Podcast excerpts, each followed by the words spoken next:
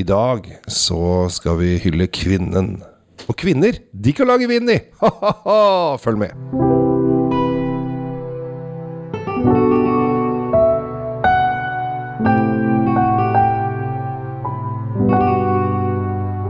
Hei og hjertelig velkommen til eh, Kjells vinkjeller, og ikke minst uh, Drink Feed med Mr. Tom og Rat Lovas. I dag, Tom, så skal vi snakke om eh, noe vi, som fascinerer oss veldig, uh, nemlig kvinnfolk. Jeg trodde du skulle si vin, jeg nå. Ja, men eh, det vi lurer fælt på, hvordan disse damene også Det er mye rare varianter der ute som ikke alltid er like lett å forstå seg på. eh, Men noen ganger så imponerer de, og andre dager, ganger så forundrer de. Eh, I dag så skal vi ikke gå på forundringen, vi skal gå på imponeringen. Ja, som begeistring. Altså, jeg, jeg har alltid syntes det er idiotisk at uh, vin liksom er forbeholdt menn. Altså, det er alltid menn som står bak vinproduksjon, vingårder og alt mulig rart. Det, det, det har jeg aldri skjønt, for det skal ikke være noe Det det er ikke noen grunn til at jenter ikke kan lage vin. Nei, men altså, det er jo Men- vi men menn som kjører bil. Ja, ikke sant. Ja, prøv deg. Mm. Tar deg sammen. Syns jeg var morsom der. ja, du var Eh, ikke, ja. ja, den falt helt gjennom. Ja. Ja. Men du, Ja.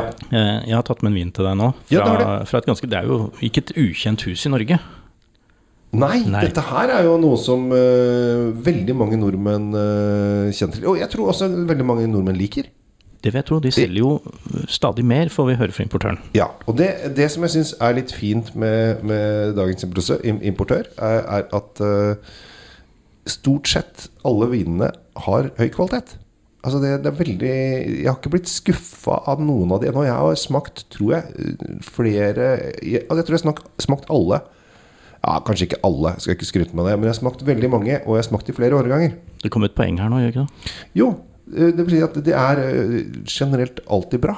Ja, det er en veldig høy kvalitet på Ja. øh, vinene. Vi si det, vi snakker jo om Georg Breuers uh, vinhus.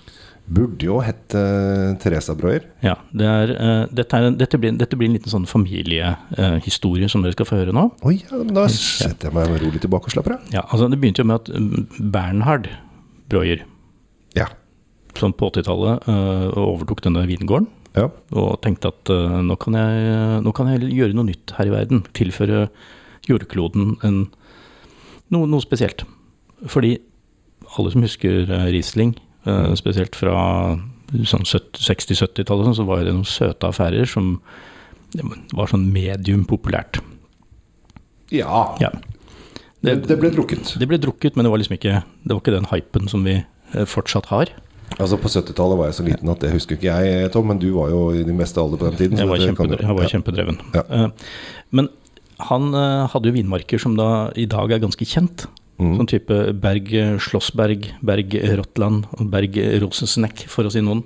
Det er jo i dag vinmarker som eh, vi som bryr oss litt om vin, vet om Mm. eh, og kan forholde oss til.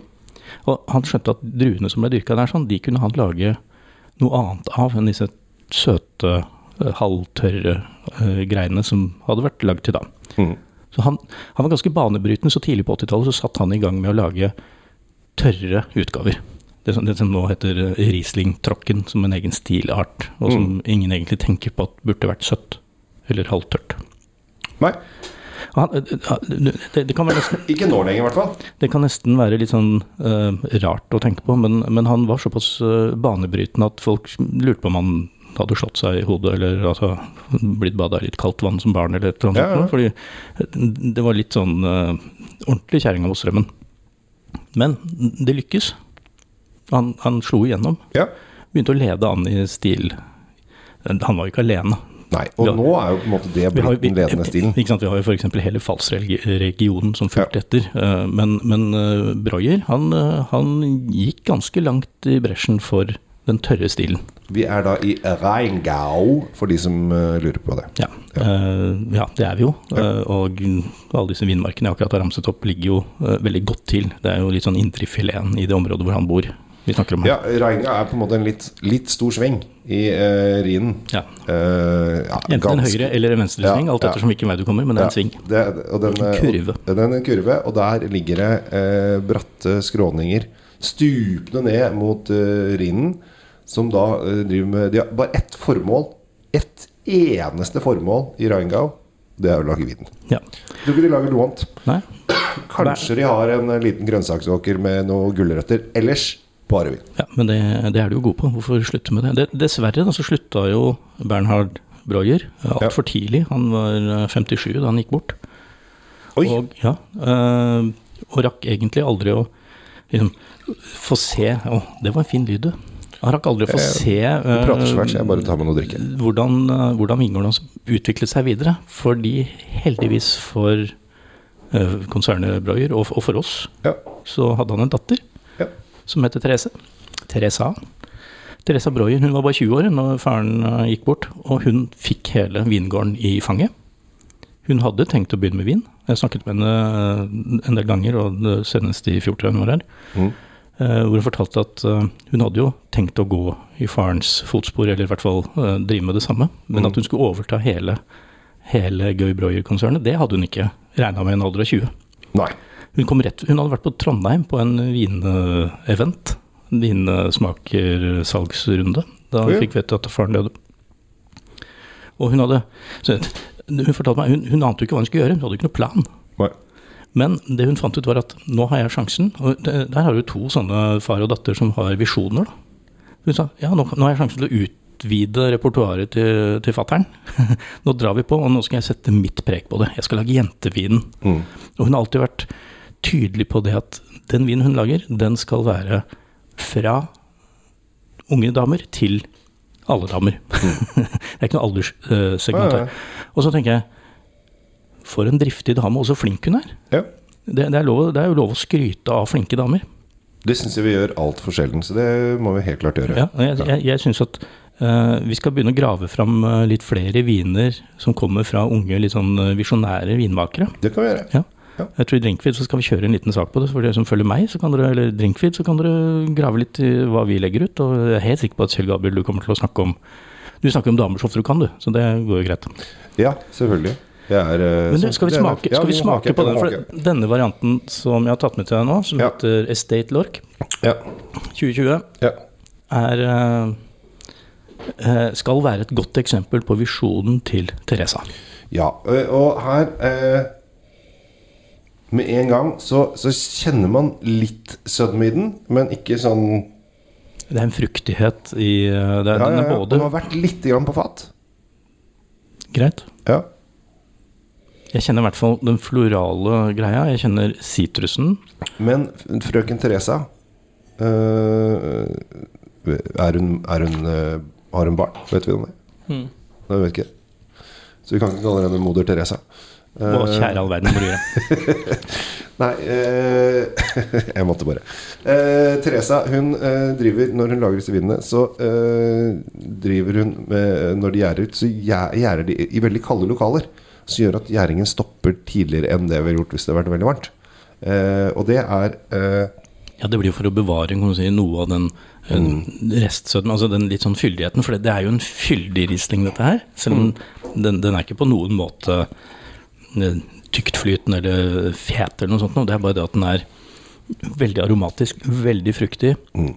Og hun har klart å bevare den syra som ja, som de som har hørt på Drinkfeed eh, og deg noen ganger tidligere, Kjell Gabriel, vet jo at jeg er jo en stor sucker for syre. Og her er det jo Det lukter søtere enn den her, for den har veldig mye fin, frisk syre. Ja, så mm. du får en veldig bra Altså, duften utfyller smaken omvendt. Mm. Og det, det, er, det er noe sånn vi vil ha. Og det som er litt uh, Som jeg liker litt med Riesling, er at, uh, eller gode Rieslinger, er at når de kommer da, så er det ikke sånn derre pang. Det er ikke noe sånn derre eksplosjon i munnen. Det er en sånn elegant, fin Ja, den bare kommer. Den er bare ja. god. Mm. Den, noe... den, kommer liksom ikke og overtar hele munnen din og ja, For noen, noen, ganger så får jeg en på trynet, rett og slett. Ja, ja. Altså, det er sånn der flaff, flaff. Hvem er du? Men her er det sånn Ja, hei, hei god dag. Dette, dette skal jeg gi deg nå. Ja, og det syns jeg er helt, eh, helt uh, toppers. Ja. En annen ting med hun Therese, Teresa er at uh, hun liker å eksperimentere med nye retninger. Mm. Og resultatet av det er at det er mye rart uh, som kommer ut fra Georg Breuer. mesteparten blir lagt ut på andre markeder vi, som normalt ikke går i Europa, f.eks., eller mm. bare enkelte områder eller noe. Men Eh, hun er norgesvenn, hvis vi skal bruke det utrolig slitne og litt kjipe uttrykket. Hun, hun, liker å være her. Hun har stappret. Ja, nå skal vi ikke nå, Du måtte dra i han kødden der. Men Ja, uansett. Eh, selvfølgelig. Therese er jo mye hyggeligere og en mye bedre bakgrunnshistorie endet Horst Tappert hadde. Men, eh, men det at hun har et så godt forhold til Norge og det norske markedet, gjør at vi har tilgang på veldig mange, som hun sier, rare viner. Mm. Som egentlig ikke er forbeholdt eh, noen, men som hun tør å slippe i Norge. Ja. Så jeg vil jo si til dere der ute at eh, begynn med den her. Og så Mm. kan dere leke litt med hva Teresa egentlig vil med vinretningen sin. Da kan du kjøpe en tre-fire stykker i forskjellig, Mm. av forskjellig klasse og pris, og så kan dere leke litt eh, og, og tenke hva, hva har hun tenkt her? Mm. Hva i all verden, hva som skjedde oppi huet på akkurat her? Og som regel er det gode ting. Ja. Enig. Og du, er, eh, du kommer med visdomsord på visdomsord her, eh, Tom. Ja, det ble en liten Ja. sånn monolog fra meg her Ja, denne du, gangen. det, her, du skal få lov å skinne. Her skal du få lov å skinne. Det er tross alt Halvparten av lytterne er jo på din egen podkast, så du skal få lov å skinne til de grader. De Tusen takk. Glad for det. altså. Ja, ja. Eh, vi eh, må fortelle at eh, hvis du har lyst på Georg Breuer Estate Lorge 2020, 20, 20, som det heter i Tyskland, så må du ut med 240 kroner, eh, 240 kroner, eller 239,90. Eh, og det syns jeg det funker. Det er ikke upris, det. Nei, det er det du må betale for. Altså, vi, nå snakker vi om uh, førstedivisjon, Ja. eh, eller Eliteserien eller whatever. Vi, er, vi, er, vi, er på de, vi begynner å leke med de store, gode produsentene her. Therese er ikke noen uh, småpike i den sammenheng her. Hun også. Vi sier tusen takk til, til Teresa. Også. Takk til deg også, Kjell Gabriel, fordi du kom med så innmari mye dårlige vitser på denne episoden her. Det var, det var, det var godt gjort. Selv Jo, deg men jeg har flere på lager, så det er bare å lytte på flere episoder. For dårlige vitser, det er jeg god på. Ja. Jeg heter Kjell Gabriel Henriks. Tusen takk for oss. Tom Amirati Løvaas, hør på Drinkfeed og Kjells Vinkjeller så ofte du kan.